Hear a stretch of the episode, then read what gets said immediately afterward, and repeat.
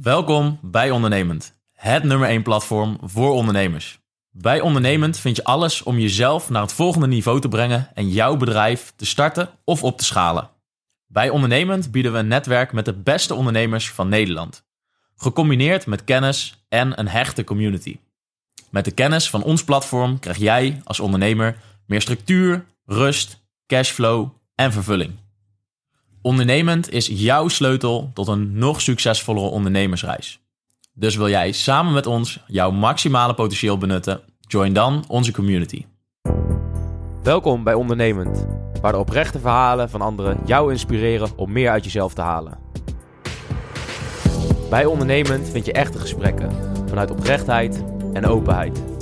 Ondernemend betekent zelfeducatie, groei en op zoek gaan naar jouw waarheid. Erachter komen wie je in de kern bent. De dualiteit in onszelf leren te erkennen. Je grenzen opzoeken en verleggen. Door onszelf stapsgewijs te verbeteren, zullen we uiteindelijk de wereld verbeteren. Wij bewandelen ons eigen pad. Wij zijn ondernemend. Loop jij met ons mee?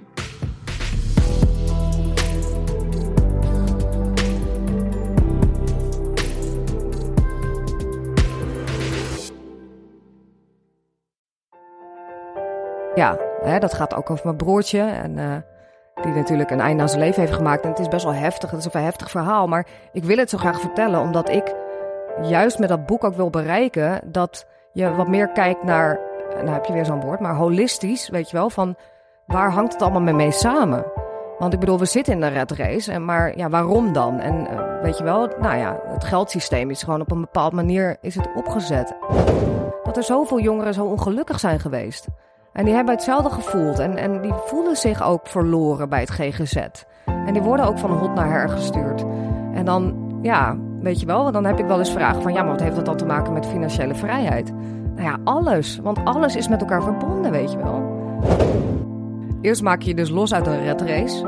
En dan ben je daar heel enthousiast over. En daar wil je dan over vertellen. En vervolgens creëer je gewoon weer je eigen red race. Lieve luisteraars, welkom bij een nieuwe aflevering van Ondernemend de podcast. En uh, vandaag zijn we afgereisd naar uh, Janneke, beter bekend als Financieel Vrije Vrouw. En ze is uh, iets meer dan een jaar geleden al bij ons in de podcast geweest. En dat was een super mooie aflevering, dus vandaar dat we terug zijn. Om terug te blikken op afgelopen tijd en het ook te hebben over haar, haar nieuwe boek. Dus Janneke, welkom in de podcast. Ja, nee, dankjewel. Ja. Tof dat jullie helemaal dit keer weer naar uh, Schorreldam zijn komen afreizen. Ja, was wel een, uh, een eindje, moet ik zeggen. Ja, wel hè? Ja, een klein stukje. ja, een klein stukje. Ach, ja. Jullie zijn wel wat gewend inmiddels, toch? Wel, we hebben er wel voor over. Ja. Dat sowieso. Ja, tof. tof. Ja, dus het is wel een tijdje geleden dat we bij elkaar hebben gezeten. Ja, ik zat net te kijken inderdaad. Uh, wat was het, 62 weken of zo? Ja. ja. Of zo, heel specifiek. 62 weken. 62 weken. Ja, ik zag het net in de stories, uh, ja.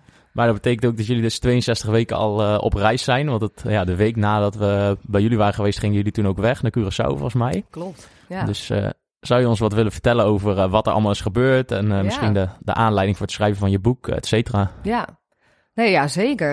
Um, ja, inderdaad. Dat was eigenlijk net voordat wij vertrokken. jullie waren toen nog inderdaad, dat de podcast was toen opgenomen in onze voormalige woning. En eigenlijk begint daar ook mijn boek trouwens, van uh, ja, dat we nu in het vliegtuig zitten naar Curaçao. En dat uh, ja, bij landing eigenlijk ons huis uh, verkocht was. Of nou, niet verkocht, maar we hadden toen een bieding.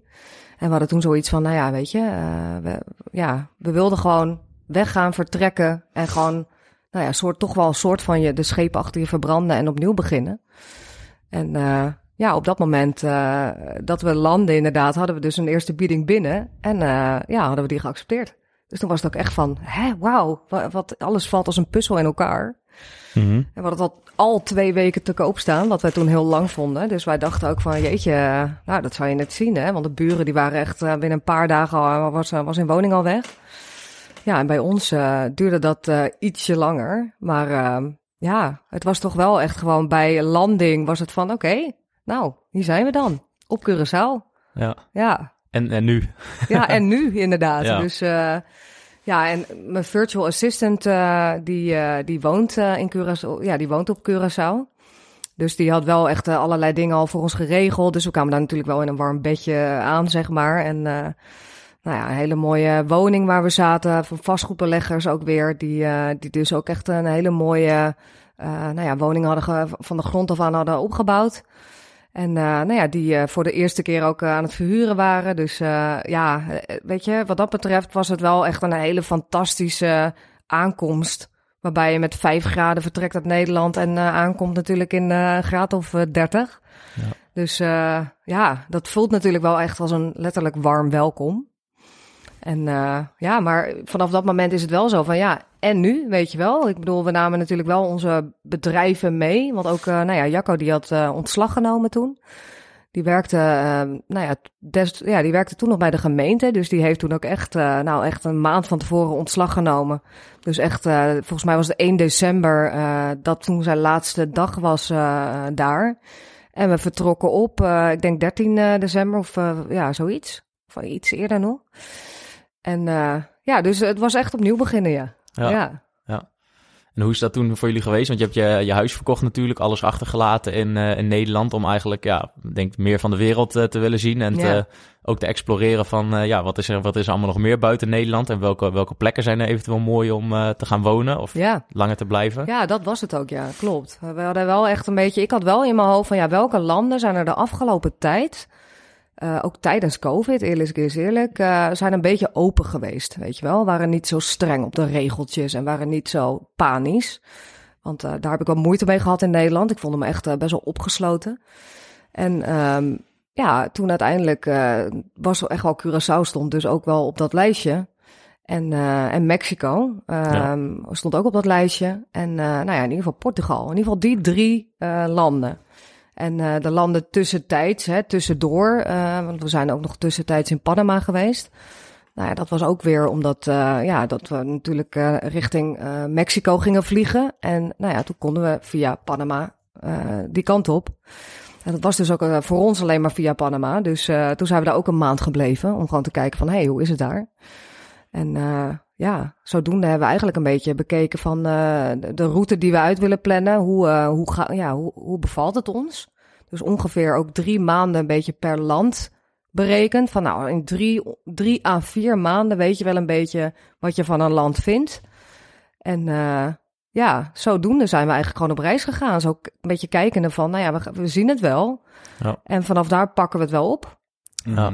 En, Ja. en is dat ook een beetje verlopen zoals je verwacht had? Of is, want ik bedoel, als je op reis kom je natuurlijk een hele hoop andere dingen tegen die je van tevoren niet kan bedenken. Ja. En ja, hoe is die reis eigenlijk in het begin verlopen? Was het naar verwachting of zijn jullie toch ook wel bepaalde dingen gedacht van, ja, het was toch ook wel heel fijn misschien om eh, toch op één plek te wonen en eh, wat meer vastigheid te hebben? Ja. Nou ja, dat is een goede vraag hoor. Want inderdaad, eh, ik heb echt heel veel respect gekregen, nu achteraf gezien, voor bijvoorbeeld Travelicious Family. Die dus wel echt constant eh, aan het reizen was, eh, is nu, nu weer. Met eh, drie kinderen. Dat ik wel dacht van, oeh, weet je, dat, dat zou ik wel persoonlijk weer heel heftig vinden. Maar wij zaten wel echt op één plek hoor, dat wel. En we gingen ook nog eens met eh, goede vrienden, hè? Martijn van den Berg en zijn familie en de ja. kindjes gingen, gingen ook, die, die, ja, waren ook echt de wel, eerste ja. paar maanden ook echt letterlijk onze buren. Dus we hebben echt onwijs veel lol gehad. Dus het voelde ook wel als een hele lange uitgestrekte vakantie. Waar ook gewerkt moest worden. Ehm, maar ja, waarbij je ook weer samen een podcast aan het maken was. En ja, waarbij we nog eh, andere vrienden ook weer langskwamen. Hè, zoals eh, Stijn en Nicole. En eh, ja, dus zeg maar vooral in het begin was het echt van... Nou, weet je, fantastisch. alles is hartstikke leuk. En onze dochter ging gelijk al naar school. daar ook, op Curaçao. Dus wij konden wel ook gewoon ons werk doen. Want we hebben dat later, bijvoorbeeld op, in Mexico ze niet naar school geweest. Ehm, ja, dus we konden wel gewoon doorgaan met waar we mee bezig waren. Ehm, maar inderdaad, eh, dan lekker op een, eh, op een eiland. One happy Mm. island. Ja, Ja. Heel anders leven in ieder geval dan ja, Nederland. ja, zeker. Eh, het is echt, ja, iedere vrijdag. Dat was wel leuk. Het, wat toen heel snel ontstond eigenlijk, en dat kwam toen dus ook met name omdat nou ja, mijn virtual assistant daar ook woonde. Die zat al in een business vrouwenclub. Dus die zei van, nou, misschien is het leuk als jij erbij komt. En toen kwam ik eh, ook weer wat mensen tegen, ook op Instagram. Want dat is wel echt gewoon het ding hoor. Als je aan het reizen bent en ehm, ja, je, hebt op je account natuurlijk, laat je zien waar je bent. Ja, Mhm. word je ook wel vaak benaderd door mensen die zeggen, hey, ik ben er ook, wat leuk, Mhm. zullen wij van bakkie doen, weet je Ja, wel. precies. Ja. Dus het contact eigenlijk is het via, via internet. Dus heel makkelijk om gewoon contact eh, te hebben met, eh, met mensen. En uh, ja, en ook op het strand dat je wordt aangesproken van... Uh, hey, ben jij niet financieel vrije vrouw? Ja, allemaal Nederlanders daar. Wat grappig. Ja, ja inderdaad. Er zijn gewoon veel Nederlanders. En uh, ja, zeker in, in, in, wat we aan het doen zijn. Ja, ik, ik denk ook zeker Curaçao. Ja, daar wonen ook weer heel veel ondernemers en investeerders. Dus ja, en dat, dat wereldje is vrij klein. Ja. Dus in die zin, ja, moet ik zeggen dat Curaçao echt een fantastisch eerst begin was. Zeker weten, ja. Ja. Maar er zijn ook wel dingen, hè, als je vraagt van, uh, ja, um, uh, had je het voor ogen, zeg maar, hoe het, uh, hè, hoe het was ook om constant op, onderweg te zijn. Ik denk dat we het meeste last hebben gehad op het moment dat we gewoon, nou ja, uiteindelijk toch wel een beetje natte vinger naar Panama zijn gegaan en naar Mexico. En dat mhm. je daar dan wel echt constant onderweg bent. En tegelijkertijd ook wel echt bezig bent met je bedrijf. Mm. En dan kom ik toch wel weer uh, bij die uitspraak, uh, nou ja, die, die van Tibor wel sterk is. Dat je denkt van ja, aan de ene kant wil je natuurlijk wel gewoon je, de focus op je gezin. Maar als je daarnaast ook nog je bedrijf hebt en je wil daarnaast ook nog uh, fitnessen en knallen en al die dingen tegelijk, dat kan dus niet. Dus je moet dus mhm. wel een keuze maken. Ja. En ja, eigenlijk dat we, dat we op Curaçao waren, toen belde Harper Collins op van goh, wat leuk. Ik, ik heb wat video's gezien op je Instagram. En uh, nou ja, één, uh, één videootje specifiek vond ze wel uh, rakend. En zei ze, vind je dit leuk om, om een boek te schrijven? En op dat moment dacht ik van, nou, ik zou niet weten hoe ik dat nog in godsnaam ergens tussen prop. Um, maar ja, toen dacht ik wel van, ja, kijk, als iemand het mij niet zou vragen, dan zou ik het ook niet zo snel zelf doen. Ja. Omdat ja, weet je wel, het voelt nooit alsof je de tijd hebt om een heel boek te gaan zitten schrijven. Mm. Dus als je deadlines hebt, dus ja, toen dat er ook nog eens bij kwam, ja, dat, was wel heavy. Ja, ja, dat was wel veel. Ja, het was wel veel. Dus uh, ja, ik, vind, ik heb echt heel veel respect voor mensen die, uh, die alles tegelijkertijd doen en daar ook gewoon een bepaald soort rust in hebben. Um, maar ik ben er gaandeweg wel achter gekomen dat je echt ten eerste ook zeker niet overal ja op moet zeggen. Nee. Ik ben wel heel blij dat ik ja heb, geze uh, heb gezegd op het boek.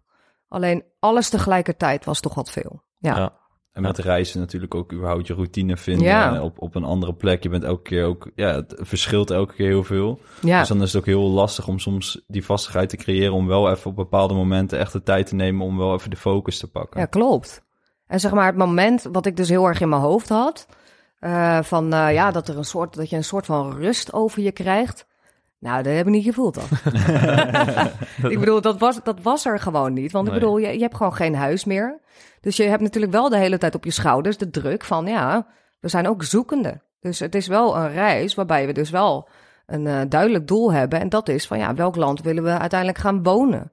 Dus en hoe, hè, dan moet je ook daar echt wel onderzoek naar doen. Van hoe zit dat dan fiscaal? En hoe, hè, is het een beetje belastingtechnisch interessant land om hier te wonen of juist niet? Of en je moet toch wel dingen gaan uitzoeken. Is het interessant om te gaan beleggen in vastgoed uh, in zo'n land? En uh, nou ja, dus, dus ja, ook, ook dat zijn onderzoeken waar je dus ook wel weer de tijd voor moet hebben.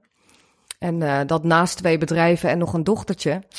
Ja. Dat, ja, nee, dat is dan wel veel. Dus af en toe, ondanks het feit dat het gewoon, ja, we hebben heel veel geleerd en het was ook fantastisch. En ja, Jacco heeft nu ook zijn businesspartner daar, hè, die heeft hij daar ook ontmoet. Mhm. En daar is hij nu ook ontzettend tof mee aan het knallen. Terwijl ja, wij nu in Portugal zitten en zij zitten nu in Thailand. Ja.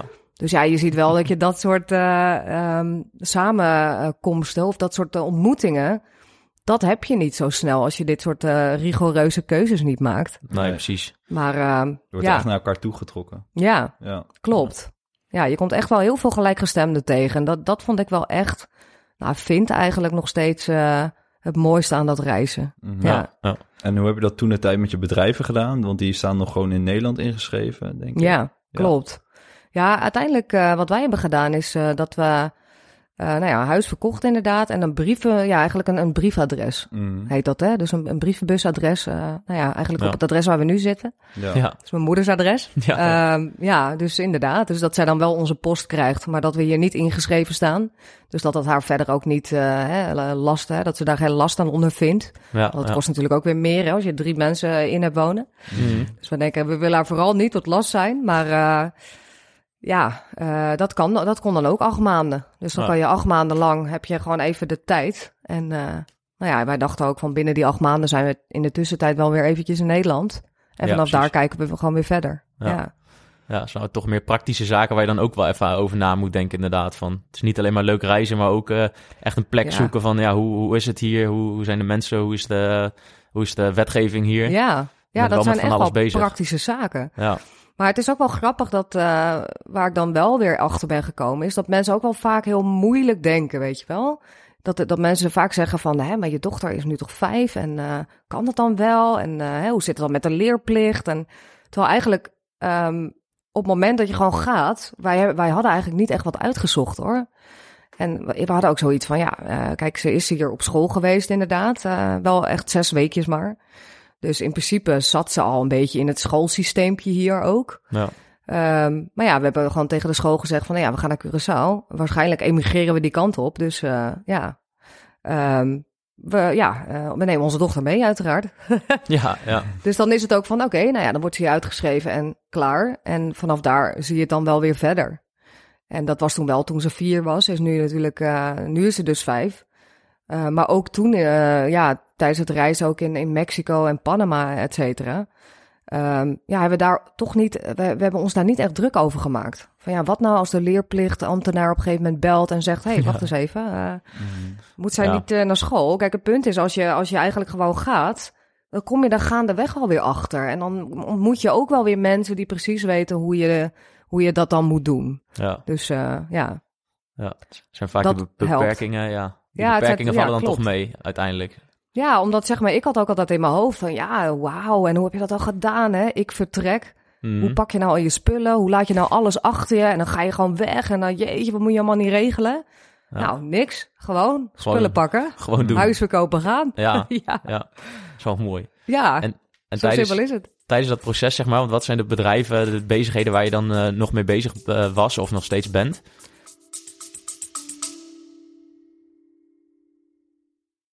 Welkom bij Ondernemend, het nummer 1 platform voor ondernemers. Bij Ondernemend vind je alles om jezelf naar het volgende niveau te brengen en jouw bedrijf te starten of op te schalen. Bij Ondernemend bieden we een netwerk met de beste ondernemers van Nederland. Gecombineerd met kennis en een hechte community. Met de kennis van ons platform krijg jij als ondernemer meer structuur, rust, cashflow en vervulling. Ondernemend is jouw sleutel tot een nog succesvollere ondernemersreis. Dus wil jij samen met ons jouw maximale potentieel benutten? Join dan onze community. Ja, nou ja, uiteindelijk eh, in, in januari kwam toen dat boek er nog, eh, nog even bij. Ja. En eh, ja, wat er toen nog liep was vooral de... Ja, we hadden toen live streams iedere week. Mhm. Met elke keer toch weer nieuwe gasten.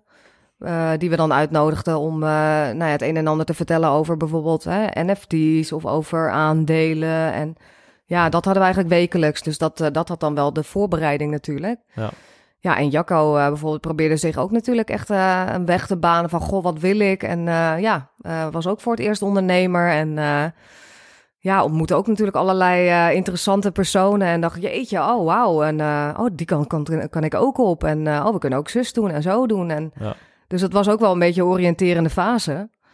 Ehm, ja, en, en de masterclasses natuurlijk die we nog hadden. Dus Ja, eigenlijk een beetje dat soort zaken. Ja, bleef gewoon doorgaan.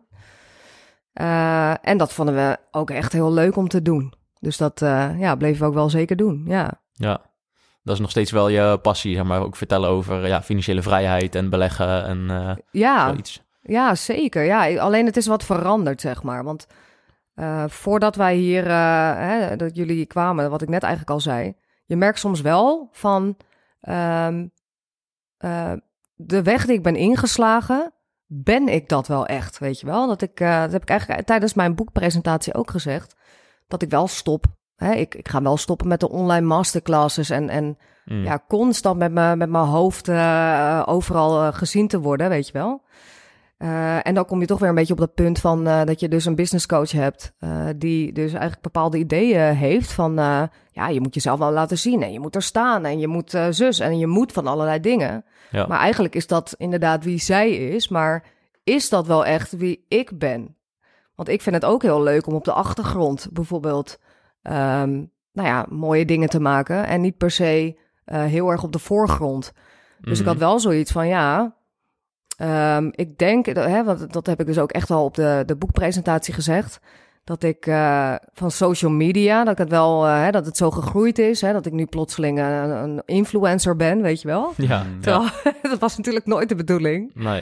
Dus ik ben gewoon eigenlijk gewoon mijn passie gaan delen. En toen is het dus zo gegroeid dat ik dus nu dan een influencer ben. Um, maar ja, uh, eigenlijk kijk ik er ook al naar uit om gewoon lekker, uh, ja, in ieder geval me nu te focussen op de zwangerschap en Mhm. op mijn kind. En ja, dat je ook wel weer dingen moet loslaten of zo. En een van die dingen, dat is dan toch wel echt dat, dat je uh, heel veel occupied bent, gewoon echt bezet bent met, met social media. Ja, en online courses, ja, dat heeft ook, het heeft ook gewoon heel veel aandacht nodig om, om een community een beetje hè, in beweging te houden, et cetera. Ja, en daar wil ik eigenlijk een beetje van af. Ja, precies. Ja.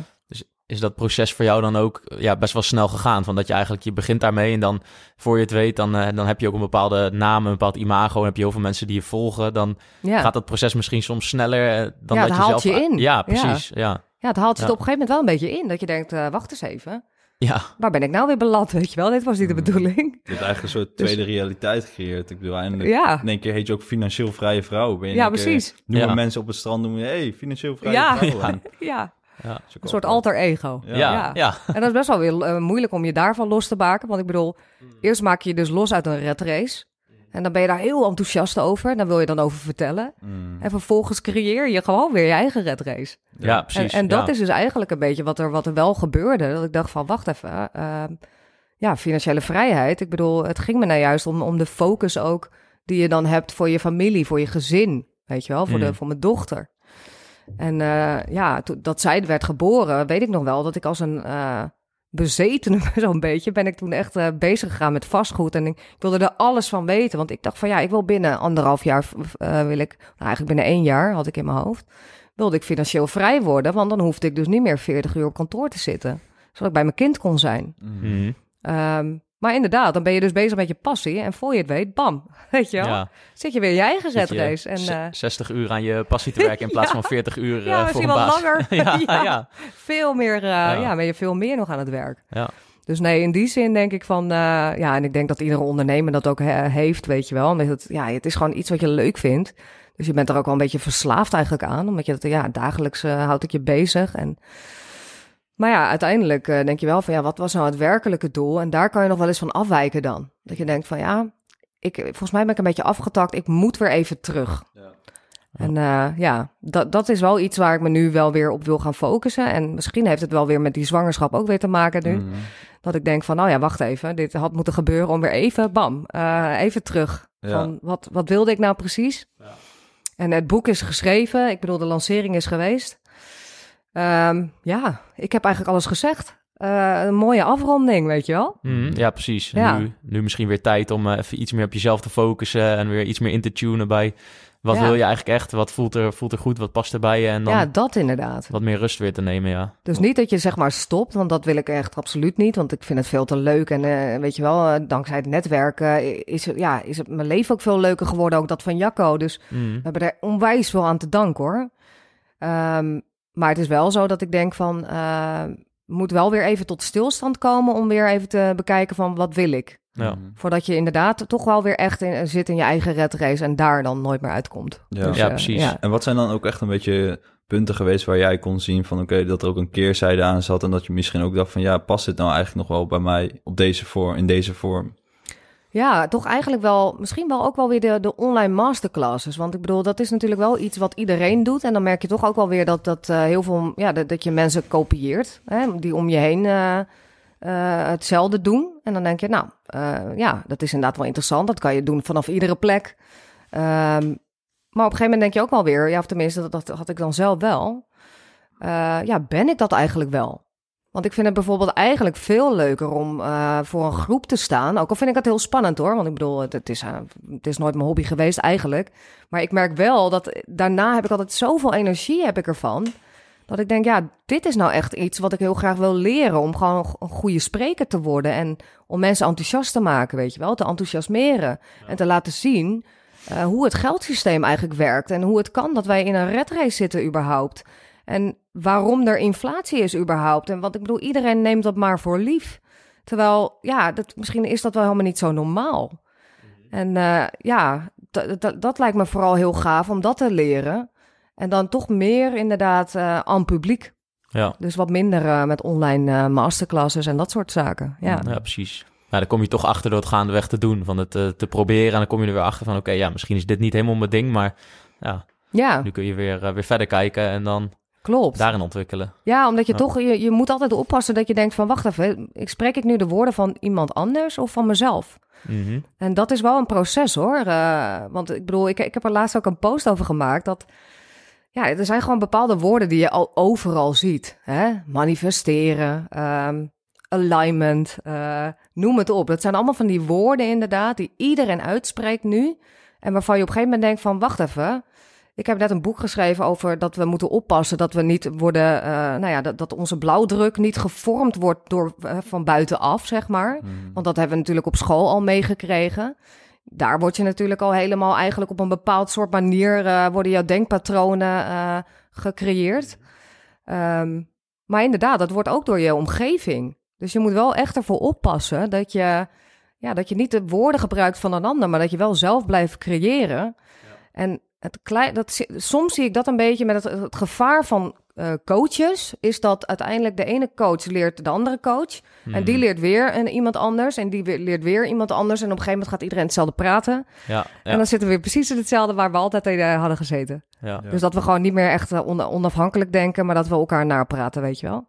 ja, precies. En dat, uh, ja, daar kwam ik gewoon gaandeweg achter. Dat ik dacht van, oké, okay, wacht. Ben ik dit wel, wie, wie dit zegt? Of is dit mijn coach geweest? Mm. Weet je wel? Ja. Zo. Ja. ja, wel heel grappig eigenlijk dat proces dan. Hè? Dat je, ja, je gaat natuurlijk allemaal dingen ontwikkelen, jezelf ontwikkelen en uh, dingen opzetten, bedrijven en van alles. En dan ja.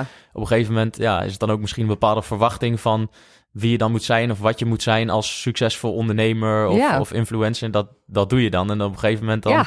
Ga je, kom je er misschien achter van, oh ja, doe je misschien wel dingen inderdaad omdat het van je verwacht wordt, in plaats van dat je het echt voelt van binnen. Ja, klopt. Eigenlijk, je, bent, je, je bent een bepaalde identiteit aan het opbouwen, uh, maar een beetje onbewust. En op het moment dat me mensen jou op een bepaald soort podium zetten met een bepaalde identiteit, van ja, het is ook wel weer een beetje hun eigen gedachtegang. Ja. Hè, het is een beetje van wat zij zien, wie jij bent. Zo word je op een podium geplaatst. Mhm. En dan ga je eigenlijk een beetje daarnaar maatstaven.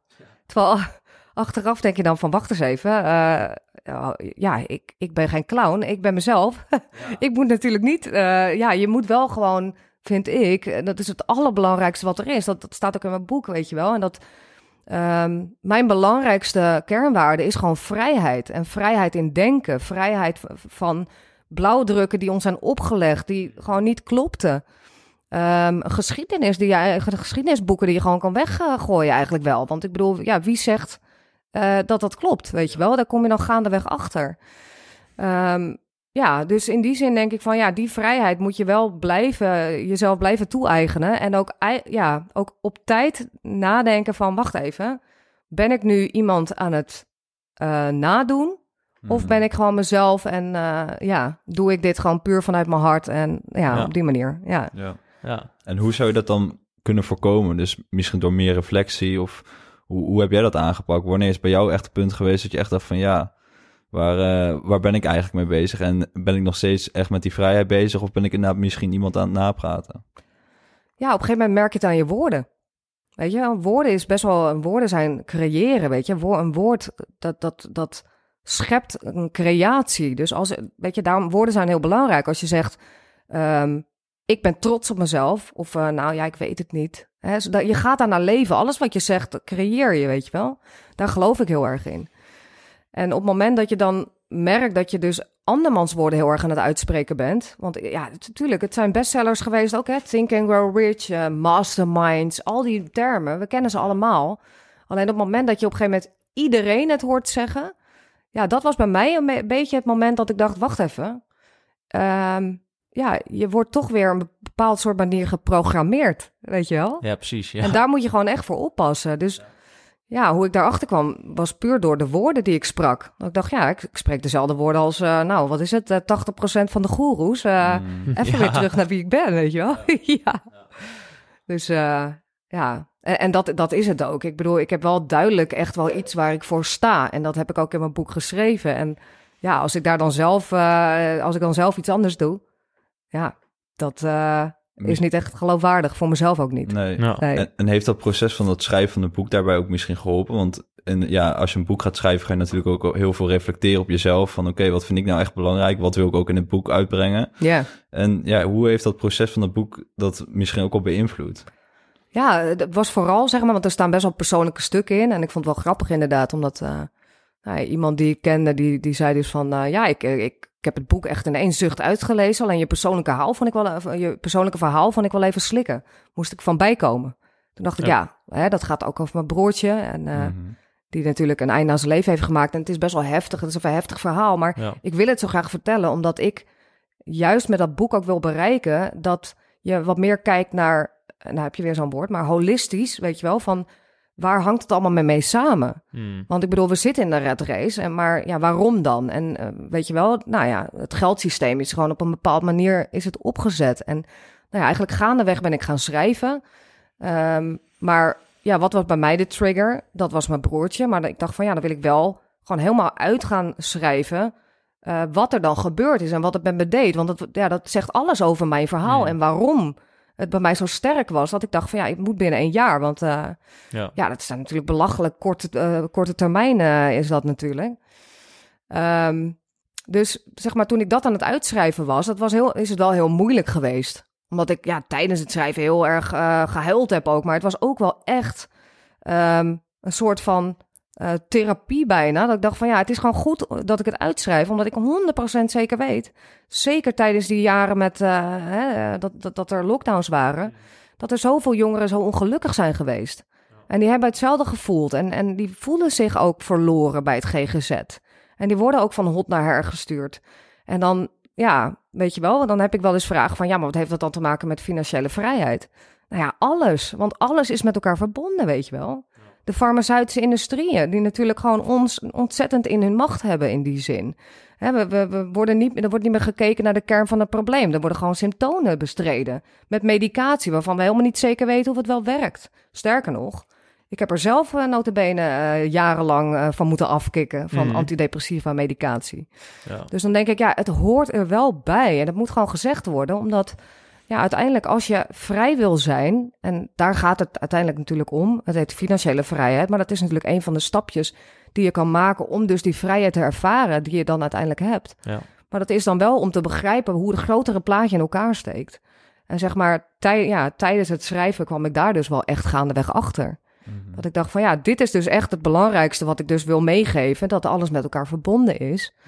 En uh, ja, dat het wel degelijk... Uh, kijk, het, het, heeft gewoon allemaal met elkaar te maken. Everything is connected. Ja. ja. Ja, dat is wel heel mooi. Dat als je dan in zo'n proces, je komt er dan eigenlijk gaandeweg steeds meer achter dat inderdaad echt alles met elkaar te Ja. maken heeft en dat je niks los kan zien. En dan, want je, je hebt het natuurlijk over financiële vrijheid. Dat is allemaal weer meer materialistisch misschien, als je het ook eh, oppervlakkig zou bekijken. Ehm, ja, misschien ook de dingen die je deelt of waar je in eerste instantie voor stond. Alleen dan ga je toch naar die diepere laag inderdaad van waarom is dat belangrijk van jou of voor jou? En ja, waar heeft dat eigenlijk mee te maken? En dat, dat Ja. eigenlijk ook veel meer dan eh, meer weer een soort van spirituele boodschap wordt van ga, ga voor vrijheid in je geest en Ja. voor je vrijheid om je eigen leven te leiden en je eigen pad te bewandelen. Ja, klopt. En, en ja, financiële vrijheid, uiteindelijk, ja, dat is ook niet echt materialistisch hoor. Want, het, want uiteindelijk is dat juist dingen loslaten, weet je wel. Want ehm, ook zeker FIRE, weet je wel, wat dus staat voor Financial Independence Retire Early. Dat gaat erom dat je echt spullen loslaat. Hè? Dat we ons huis verkopen juist en dat we daarmee geld aan het werk zetten. En eh, ja, ik heb wel eens ook bijvoorbeeld, hè, we hadden het, eh, bijvoorbeeld een, een Sander, een Schimmelpennik bijvoorbeeld, die dan zegt, ja, dat moet toch niet kunnen, et cetera. En eh, dat, je, dat je geld aan het werk kan zetten. Maar het punt is, ehm, dat vind ik ook. Ik vind eigenlijk dat, dat het gek, het is heel raar dat je op geld geld kan verdienen. Want geld is ruilmiddel, weet je wel. En het is gewoon, je hebt een bepaalde waarde, die geef je. En daar krijg je dan iets voor terug en daar kan je iets voor kopen. Dat is hoe het hoort. Maar wij hebben dat geldsysteem niet bedacht. En we zitten hier nu toch wel mee. Dus en hoe kan je daaruit komen? En hoe kan je ervoor zorgen uh, dat je in ieder geval niet wordt gevangen gehouden door dit systeem? Dat is door te begrijpen hoe het werkt. En dan kan je het dus zelf gaan doen. Want je zal wel moeten, weet je wel? Ja, dat is inderdaad dat- je enige, enige uitweg eigenlijk. Ja, Ja. en het is je enige uitweg naar vrijheid. En het is ook je enige uitweg om te begrijpen dat financiële vrijheid niet, niets te maken heeft met materiaal. Maar dus met loslaten, met, eigen, met je spullen gewoon zien als Kijk, feitelijk wat ze willen, de grote bedrijven, de, de, de, Googles, de, de grote eh, winkelketens, willen dat je juist veel koopt. Precies, ja. En dat houdt je gevangen. Weet je, een huis houdt je gevangen, want je bent constant aan het rennen in een red race om je hypotheek te betalen. Terwijl als je het loslaat, ja, dan heb je geen huis meer. Maar dan heb je inderdaad wel eh, cash of je zet het aan het werk en je hebt een passief inkomen daaruit. Hmm. En dan kan je doen wat je wil. ja. Maar ja, ja. Op dat moment geestelijke vrijheid. Ja, en, en daar leidt dan die geestelijke vrijheid uit. En op dat moment kan je echt gewoon gaan nadenken van... eh, ja, waar leven wij eigenlijk in? En wat wil ik eigenlijk? En waar ben ik goed in? En ja, Ja, maar dat is wat gek, want eigenlijk denk je dat je heel veel moet, zeg maar, binnen het systeem. Je, je, je moet geld verdienen, je moet een huis kopen, je moet hier wonen. Maar, maar eigenlijk, heel, eh, heel cru gezegd, moet je helemaal niks. Alleen moet je dat van jezelf. Dus op het moment Klopt. dat je inderdaad, zoals wat jullie heel mooi hebben gedaan, wat eh, gewoon heel pijnlijk is voor heel veel mensen, denk ik, gewoon echt zegt van ik laat echt alles los. ja. Ja, wat blijft er dan nog over? Wat, wat moet je dan eigenlijk nog? Ja. Wat, je, je hebt dan heb je het met jezelf te doen. Ja, en dan... En, en dat is dus een beetje het ding, hè? Dat, dat, dat vinden mensen dus heel spannend, toch wel. Ja. Ja. Maar ja, dus dat, doordat je vasthoudt aan ja, alles wat je, wat je denkt dat, eh, dat nodig is in je leven, Ja. blijf je wel ook vastzitten in die, eh, in die situatie inderdaad. En, Ja, je houdt vast aan materiaal. ja, Eigenlijk aan materiaal. En financiële vrijheid gaat juist niet over materiaal. dat is wel heel juist mooi. niet, ja. Die paradox eigenlijk. Ja, Dat veel mensen zullen misschien ook beginnen met ondernemen, doelen stellen, eh, beleggen, omdat ze eh, rijkdom willen vergaren. Alleen dan uiteindelijk, ook in jouw situatie, kom je erachter dat het daar helemaal niet over gaat. nee, klopt. Je kunt nog zoveel geld hebben, je kunt nog zoveel eh, belegd hebben of, of Ja. ja, of passief inkomen. Maar dat is niet wat je uiteindelijk zin geeft in je leven of wat jou gelukkig maakt. Nee, klopt. Nee. Zeg maar, wat je uiteindelijk gelukkig maakt, is dat je er gewoon achter komt. En zeker, en, en dat is dus zo goed te creëren met die vrijheid die je hebt. Op het moment dat je dus niet in een red race zit. Want een red race is afleiding. Ja. Weet je wel? En, en we worden heel erg afgeleid van van alles en nog wat. En dat, dat hebben we natuurlijk ook met onze telefoon. Ik bedoel, door allerlei pingetjes en dingen word je constant afgeleid van, van je eigen van je leven, van wat er in je omgeving gebeurt. Waardoor heel veel mensen helemaal niet snappen hoe de wereld meer in elkaar steekt. We weten veel minder dan vroeger. Als ik lees zeg maar wat mijn vader in eh 76 heeft geschreven, volgens mij heb ik wel eens naar je toegestuurd. Ja, ja. Dan denk ik van hoe kan hij zo dicht eh, bij de waarheid hebben gestaan? En alles wat hij toen schreef over digitaal geld, over alles wat er nu plaatsvindt, Mhm. dat wist hij al. Dat, Ja. dat heeft hij allemaal toen al uitgezocht. Dat dat wa- wel was waar men heen wilde, toen al. Hè, de, de, de, de piramide hebben we het dan over en dan de, de rijkste 0,01 procent. En dan denk ik van ja, dat is het aparte, omdat we nu zo worden afgeleid, maar echt zo erg. Eh, zeker met TikTok-filmpjes allemaal, dat soort geneuzel. Wat ik natuurlijk zelf ook, hè. Ik ben er zelf ook schuldig aan. Sterker nog, ik maak content. Ik, ik leid ook weer anderen af. ja, ja. maar ja, hopelijk wel met, eh, met een, eh, ja, toch wel het goede voorbeeld, zeg maar. Ja. Ehm, maar inderdaad, we worden enorm afgeleid wat ons houdt van waar het daadwerkelijk om draait. En dat, ja, dat, dat heb ik nu zelf ook wel echt heel erg. Dat na het schrijven van een boek, dat ik denk van ja, kijk, ik wil ook een voorbeeld zijn voor mijn kinderen. En dan moet ik dit ook gewoon, eh, ook gewoon opzij kunnen leggen. En kunnen zeggen, nou jongens, zoals bijvoorbeeld eh, hè, een artiest, eh, hè, hoe heet die, Stromae. Daar ben ik heel erg fan van. Maar die, die zegt ook regelmatig een jaar van, joh, tabé, ik ben even niet meer te zien. En dan komt hij weer terug met nieuwe inspiratie. Maar dan denk ik van, ja, dat is precies wat je moet doen volgens mij. Ja, zeker. Ja, Vastpakken en loslaten. ja. Ja. En juist met dat loslaten, met dat, die stilstand, ja, daar komt, ja, komen alle antwoorden weer. Mhm. Weet je wel? Dus dat, eh, ja. Maar het is nog wel interessant wat je zegt over die, eh, dat financiële vrijheid. Eigenlijk zorgt dat je ja, buiten het systeem komt en dat je ook meer rust hebt om het ook allemaal te aanschouwen. Want Ja. je ziet eigenlijk ook wel iedereen die eigenlijk financieel vrij is, of een hele hoop mensen, die zijn de afgelopen jaren heel erg naar voren gekomen met een hoop pu- punten die ze bijvoorbeeld zagen. ja. En die kunnen inderdaad van buiten het systeem kijken, omdat ze niet meer continu in die race zitten om maar dat, dat cirkeltje in gang te houden. Ja. Van werken, geld verdienen, uitgeven. Ja. De hele tijd maar door. En als je daar net buiten komt te staan, kan je dat in één keer inderdaad wel zien. En dat is inderdaad eigenlijk nou, precies wat je zegt. Gewoon wat financiële vrijheid eigenlijk met je doet. Is echt vrijheid creëren, niet alleen financieel, maar Nee. ook om te denken zoals je wil. Exact. Je niet Vrijheid meer- in je leeft niet meer in het systeem. Nee. En zeg maar, het feit zeg maar, dat, dat, dat alles duurder wordt. Ja, dat betekent ook wel weer dat, dat er gewoon ergens een angst is Mhm. bij de machten, bij de grotere machten, dat we gewoon te veel gaan zien. Omdat we ook internet hebben, hè, dus we, we zien in die zin meer. Maar op het moment dat je inderdaad ehm, niet constant wordt afgeleid, dan kan je veel meer objectief bekijken wat er nou aan de hand is.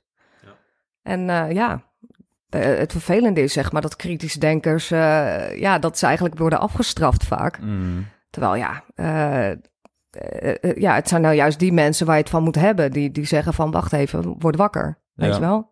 Ja, Ja. Maar Ja, dat is ook beangstigend, ook voor een hele hoop mensen natuurlijk. ja dat is Want het. die denken in één keer van, oh, ja, maar het systeem waar wij in leven, dat, is dat dan zo apart? En die Ja. gaan dan in één keer nadenken en dan eh, proberen ze natuurlijk om zichzelf ook vaak te beschermen, gewoon Ja, maar de makkelijke weg te kiezen. En dat is te zeggen dat die kerel niet goed is of dat hij maar, eh, ja. dat hij maar Mm. iets raars zegt en dat het allemaal niet klopt. En dat is natuurlijk de makkelijke weg in die, eh, in die zin. Ja, en, en het is ook wel weer hè, dat het een cognitieve dissonantie. Dus het is heel moeilijk om toe te geven dat het, datgene wat je dus eh, eigenlijk altijd als een waarheid hebt beschouwd, dat dat dan misschien wel helemaal niet waar was. En het is heel moeilijk om daarvan terug te komen. Dat mensen denken, ja, wacht even. Alles wat ik heb geleerd, moet ik het allemaal opzij gaan zetten? Ja. Moet ik dan alles, zeg maar, met een korrel zout gaan nemen? Ja, Ja, weet ja. je? Ja, Twijfel overal aan. ja twijfel overal aan. Doe dat vooral, want eh, ja, je hebt het gehoord van iemand. Wat, wat waren zijn belangen, weet je wel? Wat waren de belangen van de persoon die, eh, die, die nu heel hard eh, staan te schreeuwen? Ja, en daar moet je achteraan gaan. En vaak kom je dan toch wel achter hele andere waarheden. Ja. Dat is wel een hele goede vraag inderdaad. Wat zijn de belangen? Die horen Ja. we ook heel vaak terug van een hele hoop gasten.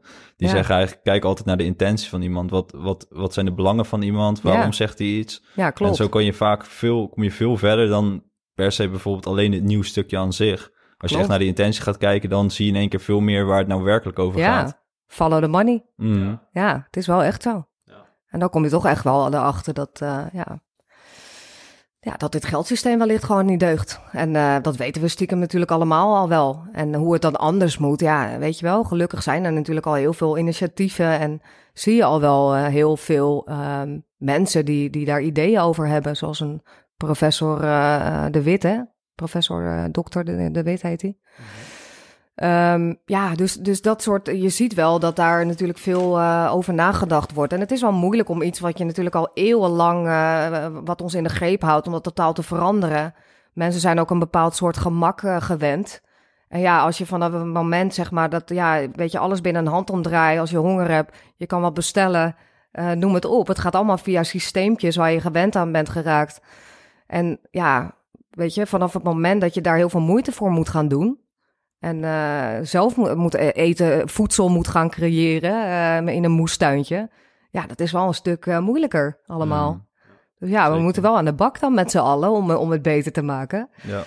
Maar ja, het zou de wereld wel een stuk beter eruit laten uitzien, geloof ik. Het lastige Ja. is dat je eigenlijk wel vaak gelijk twee kampen krijgt. Hè? Je krijgt echt een beetje de mensen inderdaad die een beetje aan de kant staan van oké, die al misschien financieel vrij zijn, die heel erg ja, kritisch naar het huidige systeem kijken. En dan Ja. heb je juist weer de mensen die juist ook misschien wel al het redelijk goed voor elkaar hebben, maar wel heel erg binnen het systeem. Ja. En die dan juist weer heel erg kritisch naar de andere kant gaan kijken. Ja. Terwijl we eigenlijk willen we gezamenlijk iets doen. We willen het voor iedereen zo mooi mogelijk maken. Maar heel vaak gaan we dan maar naar elkaar lopen schreeuwen van het ene is niet goed of het andere is niet goed. Terwijl Klopt. als je met elkaar in gesprek zou gaan en kom je daar eigenlijk achter dat je samen eigenlijk hetzelfde doel hebt. Ja. Het zo mooi mogelijk voor iedereen maken. Maar dat, je, dat je elkaar gewoon de hele tijd ja, voor alles uit zit te maken terwijl dat eigenlijk niet nodig is. Ja, en dat ook nog eens weer, weet je wel, dat, dat, dat is juist wat men ook wil. Want ik bedoel, Ja. het polariseren, dat maakt natuurlijk dat mensen niet gaan samenwerken. Mm, Terwijl ja, we moeten wel samenwerken.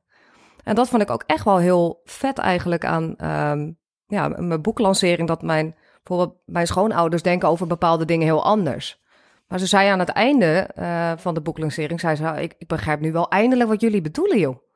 Nou, ik vond het zo'n compliment. Ik dacht, oh echt, eindelijk, weet je wel. Dat je denkt van, ja, weet je, eh, blijkbaar moet je het gewoon wel op een bepaalde manier ook eh, ja, vertellen. Dat het ook gewoon toegankelijk is. Niet met vingers wijzen, niet eh, boos zijn over bepaalde maatregelen. Of dat, dat jij iets doet wat diegene, ja, waar diegene anders over, na, over, na, over denkt. Ehm, ja, dus ik dacht inderdaad, dat, dat is het ook. Je moet gewoon samenwerken om gewoon tot iets beters te komen. En ja, dan gaat het ook veel sneller. Ja, Ja. Ja, dus ook misschien meer vanuit je gevoel beredeneren. Dus niet meteen zeggen van eh, dit, dit denk ik en dit vind ik, dit is mijn standpunt en dat bij Ja. iemand opleggen.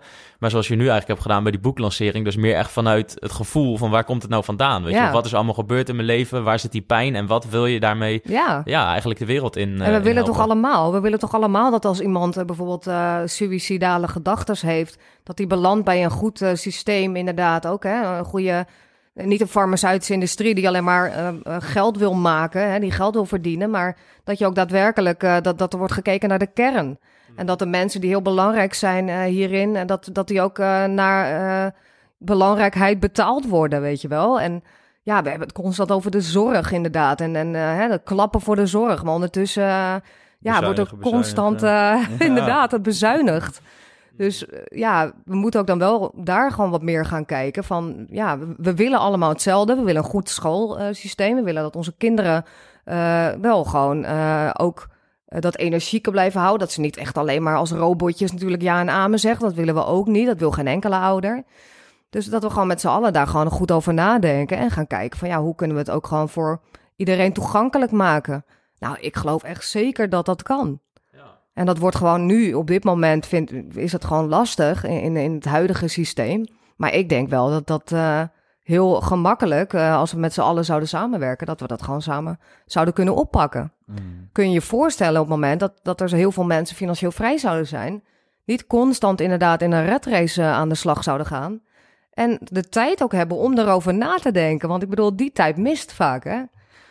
Dus ja, het heeft heel mensen- veel voordelen. Ja, die mensen gaan creëren wat ze echt willen en wat ze echt belangrijk vinden. Ja. En naar hun hart luisteren. En dat is heel iets anders dan alleen maar een bepaald, eh, bepaald werk uitvoeren om, om je rekening te kunnen betalen en dat gewoon maar blijven doen. Maar op Precies. het moment dat je echt de ruimte hebt om echt te doen wat je wil, ik denk dat mensen dan ook veel mooiere dingen gaan creëren. Dat, dat weet ik echt zeker.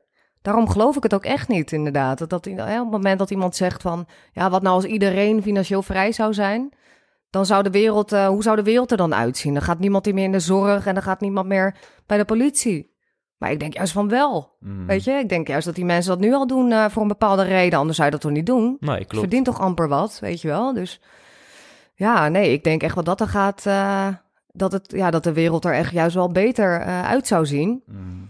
Maar ook zeker niet dat dat vanuit een overheid zou moeten worden opgelegd hoor. Dat Nee. iedereen een basissalaris krijgt, want dan worden mensen lui. En dat, daar geloof ik dus allemaal niet in. Ik geloof er wel in dat je het gewoon voor jezelf moet creëren. En dat je op die manier ook gewoon ziet wat je, wat je waard bent. Zeker. Want dat is het ook echt bij mij do- toen geweest. Op het moment dat ik eh, erachter kwam. Ik, ik was toen aan het werk, ook bij een makelaarskantoor. Ehm, en ik vond het allemaal zoveel jargon. En zoveel, ja, echt een mannenwereld ook. En het is wat dat betreft ook wat je denkt, weet je wel. Het is een mannenwereld, haantjesgedrag. Mm. eh, ik, eh, wie heeft de meeste commissie? Allemaal dat soort dingen. Terwijl ik denk van ja, dat, eh, daar ben ik hier niet voor. Ik, ik wil gewoon leren over vastgoed. En ik, ik hoef niet te ellebogen voor een positie. Dus eh, ja, dat je wel denkt van op het moment zeg maar dat, ehm, ja, dat, ik, dat ik daaruit was. Want ik was tegelijkertijd was ik namelijk ook aan het eh, beleggen. Dus investeren zelf in vastgoed. En toen dat lukte, toen daar dus passieve inkomsten van binnenkwamen, voelde ik me eigenlijk al zo trots dat ik dacht van ja, oké, wat ik op kantoor daar zit, nou dat neem ik maar voor lief. Maar daarnaast ben ik iets aan het opbouwen. Weet je wel? Dus dat ik het naast elkaar had. En hoe rot ik me daar ook voelde, want het was echt zo, dat ik, ik voelde me daar niet op mijn plek. Eh, hoe fijn ik me thuis voelde, want ik wist dat ik iets aan het creëren was. eh, en dat ik wel ergens goed in was, weet je wel. Want je krijgt anders ook zo'n soort van imposter syndrome. Dat je denkt van ja, ik neem hier de boel in de maling en ik, eh, ik, ik kan eigenlijk, wat, wat kan ik eigenlijk, weet je wel? Dus ja, dat je ook gewoon naast jouw huidige red race, dat je ook iets kan creëren waardoor je eruit kan gaan. Ja. Ja, Ja. Dat is uiteindelijk denk ik het mooiste. Ik gewoon langzaam bewegen naar wat je hartje vertelt. En daar Ja. gewoon achteraan gaan. En dan gewoon kleine stappen maken. En wa- wat je ook zegt, dat is heel mooi. Van, als je stappen gaat maken, dan groeit ook je zelfvertrouwen. En dan groeit je eigen waarde. En dan leer je ook van, oké, als ik kies waar ik voor sta... en ik, ik ga daar iets aan doen, dan voel ik me ook veel beter. En veel, ja, ik voel me, voel me veel beter als persoon. En inderdaad, je wordt, ja, je, je wordt gewoon veel zekerder van. ja en je hebt veel meer levensenergie. Ja. Want dat is het ook, weet je wel. Je, levensenergie, ja, dat, dat zuigt gewoon... Tenminste, bij mij werd het echt uit me gezogen zo'n beetje. Ehm, en dan heb je ook niet meer zo heel veel... eh, eigenlijk energie om dus iets ernaast te creëren... op het moment dat je het echt niet weet. Maar als je er gewoon mee begint en je ziet dat het gewoon langzamerhand begint te groeien... en dat je de dingen die je doet, dat het eh, langzamerhand naar een doel begint... eh, of in ieder geval jou- jouw doel daarmee bereikt wordt... ja, dan krijg je veel, steeds meer energie. Mhm. En dat is zo belangrijk, want energie is natuurlijk gewoon alles. En gewoon rust ook in je hoofd. Want ik wil, je weet ook al zal er met je huidige baan wat fout gaan, weet je van oké, daarnaast heb ik ook nog wat. Ja, precies. Het is niet meer gewoon, heel veel mensen hebben gewoon geen vangnet. Als die Nee. gewoon hun baan verliezen, dan zijn ze misschien binnen diezelfde maand gewoon blut. Hebben Ja. ze gewoon niks meer. Klopt. En dat ja. geeft een hele hoop onrust, denk ik. En Ja. vooral als je dan wel wat ernaast opbouwt, inderdaad geeft een bepaald vertrouwen mee, maar ook een bepaalde rust, omdat je eigenlijk altijd weet van, ja, weet je, eigenlijk als het hier misgaat, dan maakt Ja, het dat ook je je eigen uit. vangnet ja, kan zijn. Ja, dan kan Ja. je eigen vangnet zijn. En dat is dus het mooie inderdaad. Dat, dat heb ik ook echt in mijn boek gezegd, eh, gezet. Van 1400 euro was toen echt mijn bedrag. Eh 1400 euro per maand. Ik dacht, ja, daar kan ik bij rondkomen. En toen ik dat bereikt had, dacht ik ook echt van... ja, weet je, eh, ik, ik, nu kan ik gewoon stoppen. Ik kan mezelf nu in ieder geval... eh, ja, ik kan overleven met, met dit geld. Dus prima. En dan, en dan maar niet uit eten, weet je wel. Hmm. Dus eh, ja, en als je dat dus voor jezelf kan doen, eh, dan groeit je zelfvertrouwen. En dan in de ene kom je gewoon achter waar je goed in bent. Ja, Dus het is ook helemaal niet erg als je het nog niet weet. Je komt er gaandeweg achter. Door dus stil te staan. Ja, zeker. Dus zo stil te staan en dan te kijken naar wat je graag wil doen. Of... ja door eigenlijk een soort van stilte, stilte of in ieder geval uit de red race te komen. Ja, precies. weet je wel? Omdat zeg maar, je wordt constant bezig gehouden. En door die afleiding word je moe. Dus als je thuis komt, dat had ik dan ook op kantoor natuurlijk echt wel van 9 tot 5. Dat je vrijdag ook echt wel kapot bent. En dan ga je inderdaad natuurlijk, dan heb je de vrijmibo. En dan ga je alle stress van je af eh, drinken met z'n allen. En dan heb je twee dagen kater en dan mag je weer aan de bak. weet je wel? En ja, dan denk je van jeetje, dat is toch eigenlijk geen leven, weet je wel? Nee. Thank God it's Friday. De hele week naartoe werken. Ja, dat dan, week eh, naar de Ja, Dat je echt dat het steeds gaat vieren dat het week is afgelopen. Dat is echt zo triest. ja. ja, wat je ook heel mooi zei, vind ik wel van als je, als je met die dingen bezig gaat, met iets wat je echt ligt of wat, ja, wat, eh, wat eh, vanuit het hart komt, dan is die intrinsieke motivatie is ook echt meer dan ooit. Dat is Ja. echt, dat is bizar hoeveel energie je daarvan Ja, krijgt. klopt. Wij hebben dat nu ook met die podcast bijvoorbeeld, zijn we de laatste tijd echt veel bezig. Maar Ja, ja, dat, dat kost gewoon, natuurlijk, het kost energie, maar het levert zoveel meer energie op. ja. Het is gewoon alsof je, ja, alsof je gewoon vijf bakken koffie op hebt, zonder dat je, zonder dat, je dat echt hoeft te doen. Ja. Maar dat is echt, ja maar dat kan je ook terugzien aan jullie video's. Die zijn echt gewoon, ja, dat zei ik al tegen jullie. Het ziet er echt gewoon super professioneel uit. En dat zie je dus weer als je focus hebt. Hè? Ja. Dat je dan toch weer meer die focus hebt en dat je denkt, ja, dit wil ik gewoon. Ja. En dan als je daar dan voor gaat knallen, ja, dan ga je dat gewoon terugzien Hmm. aan alle kanten. Ja, Ja, je voelt dat echt gewoon aan. Op een gegeven moment gaat er ergens een vuurtje wakkeren en je weet eigenlijk altijd wel waar dat vuurtje echt heen wil. ja, En wat er nou echt in zit, waar je echt, wat je het echt leuk vindt. In Ja. plaats van ja, een hele hoop bijzaken die er vaak bij komen, die ook wel soms nodig zijn. Want soms moet je ook een hele hoop dingen doen die niet leuk zijn om uiteindelijk te komen. klopt zeker. Ja, ja, het is niet allemaal leuk. nee. Maar ja, het is wel, eh, diep van binnen weet je toch vaak wel ergens waar, waar, die echte, waar het echte plezier ligt. Ja, waar je interesse ligt. Ik Mhm. vond het ook wel grappige zin inderdaad van... wat wil je wat mensen eh, over jou zeggen op je begrafenis? Weet je wel, want als je die zin gaat uitspreken... als iemand dat aan jou vraagt... ja, dan komt vaak je intrinsieke motivatie naar buiten. Weet je wel, dat, ja, uiteindelijk... je reis begint meestal om op zoek te gaan naar je kernwaarden. Wat, wat vind jij nou heel belangrijk, weet je wel? Waarom heb je ruzie met mensen? Dat is ook een belangrijke. Van waar- waarom? Wilde je heel graag je zin? Dus dan is het trots. Of eh, wilde je, eh, heb je ruzie gekregen en heb je uiteindelijk er toch voor gekozen om eh, voor de empathische kant? Is empathie dan iets meer jouw ding? Weet je wel? En ja, eigenlijk als je naar dat soort dingen gaat kijken ook, ja, wat, wat, wat wil je dat mensen zeggen op jouw begrafenis? Ja, dat is eigenlijk gewoon, denk ik, jouw missie. En daar moet je voor gaan. Ja, Ja.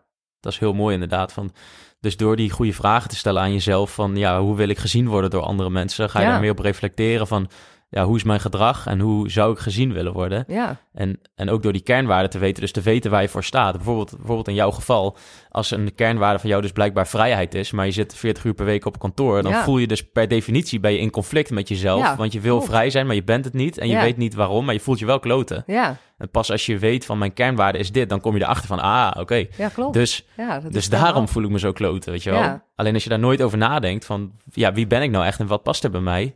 Ja, heb je dus gewoon continu een intern conflict. Ja, En je weet niet hoe je eruit moet komen. ja, het is echt een interne error. Ja. De- Waardoor dus depressies en zo. En daarom is het ook allemaal connected. Weet je wel, zodra je dat dus niet weet, eh, daar moet je gaandeweg achter komen. Door het wel gewoon te beginnen, weet je wel. Door kleine stapjes te nemen naar een richting waar je in wil. En dat, dat kan je tegenwoordig, ja, dat, kon- dat kon natuurlijk altijd al wel, maar je kan dat wel goed uitzoeken door gewoon bepaalde vragen aan jezelf te stellen, inderdaad. Hmm. En wat je zegt, ja, vrijheid, ja, eh, dat is mijn belangrijkste kernwaarde, blijkt. Maar dat wist ik natuurlijk ook niet, weet je wel. Dus, eh, en achteraf gezien denk ik, ja, oh ja, dat is logisch, ja, dat klopt. Dat was op school al zo en dat was toen al zo. En, oh ja, weet je wel. Ja. En de mensen die je tegenkomt, die hebben dat dan ook. En dan denk je, oh ja, klopt. Ja, die, eh, die, dat zag ik ook al bij diegene op werk. Want die deed ook al zus en zus en zo. Ja. Dus zodoende, ja. En wat betekent vrijheid voor jou dan? Nou ja, vrijheid is toch echt... eh, ehm, kijk, op het moment ook bijvoorbeeld wat ik nu net zei... van eh, dat je op een gegeven moment denkt van... hé, hey, ik ben gegroeid in een positie eh, waarvan ik denk van... hé, hey, wilde ik dit eigenlijk wel? Dan is vrijheid ook weer om gewoon te zeggen van... nou, we gaan dat gewoon nu bij deze stopzetten... en we gaan weer even rust nemen... En we gaan kijken wat ik dan wel wil, weet je, en welke kant ik op wil met, met bijvoorbeeld een financieel vrije vrouw. Dus vrijheid is eigenlijk gewoon op basis van eh, je, ja, je interne, je, je mor- morele kompas of zo, iets wat gewoon echt in je zit, dat je dat altijd kan volgen. Dat, dat is vrijheid. Dus op het moment dat ook eh, mensen jouw woorden in de mond leggen, wat vind ik echt veel gebeurd is de afgelopen tijd, ook dat je heel veel woorden zijn verboden geworden. Ja, dat, is, dat, dat voelt niet goed. Dan denk je van ja, woorden, dat woorden, een woord is een creatie. Dus als woorden worden verboden, dan verbied je een soort van creatief ding, weet je wel. En ja, dat, dat is dus vrijheid van mij. Dat ik mag kiezen, dat, dat ik mezelf mag zijn en, en dat ik mijn pad kies eh, wat, ik, wat ik zelf wil. Ja. Mhm. Want hoe ziet dat pad er voor jou, zoals je het er nu naar uitziet, in de toekomst uit? Want je bent natuurlijk begonnen met financieel vrije vrouw. We hebben het net meer gehad over het holistische, dus eigenlijk alles daaromheen ook bijpakken. ja. En heb je daar een bepaald beeld bij, hoe jij nu ja, de aankomende jaren, waar je focus gaat liggen? Ja, ik heb nu wel echt een hele specifieke focus. En ik heb eh, nog niet mijn vision board, eh, weet je wel. Dat wil ik wel gaan, gaan maken nu. Want ik weet hoe sterk dat is. Eh, maar ja, wat ik nu dus heel sterk heb, is dat ik... eh, ehm, nou ja, toch, toch een mooi stuk grond wil kopen. Ook voor onszelf. Hè? En daar een mooie boerderijen op laten bouwen. Of in ieder geval mooie woningen laten bouwen. Een eigen, ja, toch een beetje je eigen groente kunnen verbouwen. Eh, zwembadje voor de deur, want het is eh kokend heet in de zomer natuurlijk, Portugal. en eh, ja, weet je, het is daar ook allemaal veel makkelijker, weet je. Je hebt daar zoveel meer ruimte. Dus ja, ik wil gewoon wat meer die ruimte, zodat ik wat meer die rust kan hebben. En dat je daar ook weer een beetje wat meer terug kan naar de kern, weet je wel, waar het, waar het echt om draait. En dat, dat is nu eigenlijk mijn full focus de komende tijd. Dat dus ik- eigenlijk ja. een beetje zoals de artiest waar je het net over had, even misschien iets meer naar binnen duiken om meer- weer meer inspiratie op te doen. En op de achtergrond nog steeds wel je stem laten horen, Ja, maar wel weer even naar, echt naar de kern toe gaan. Ja, gewoon echt weer kijken van ja, wat, wat, ja, wat, wat zegt mijn hart nu? Weet je wel, welke kant wil ik op? En nou, dit, dit is al wel een langere doelstelling geweest hoor. Dat ik wel echt, eh, ehm, zeker, ja, het was gewoon door, door de lockdowns ook. Dacht, dacht ik van jeetje, wat, wat, wat wonen we allemaal dicht op elkaar eigenlijk? En oh, wat, wat kreeg ik een eh, gevoel van eh, opsluiting, zeg maar. Dus ja, hoe fijn is het dan als je wat meer ruimte om je heen hebt? Dat je niet afhankelijk bent, hè? Want ik bedoel, je bent toch in, in zekere zin toch echt wel afhankelijk alsnog van je energieleverancier, van, hè, van de voedselketens, eh, van de, eh, ja, eh, de voedselindustrie, van de pharma. Ik denk, ja, dat wil ik eigenlijk niet meer. Daar wil ik ook vanaf. Dus ja, dat, dat is nu echt mijn focus.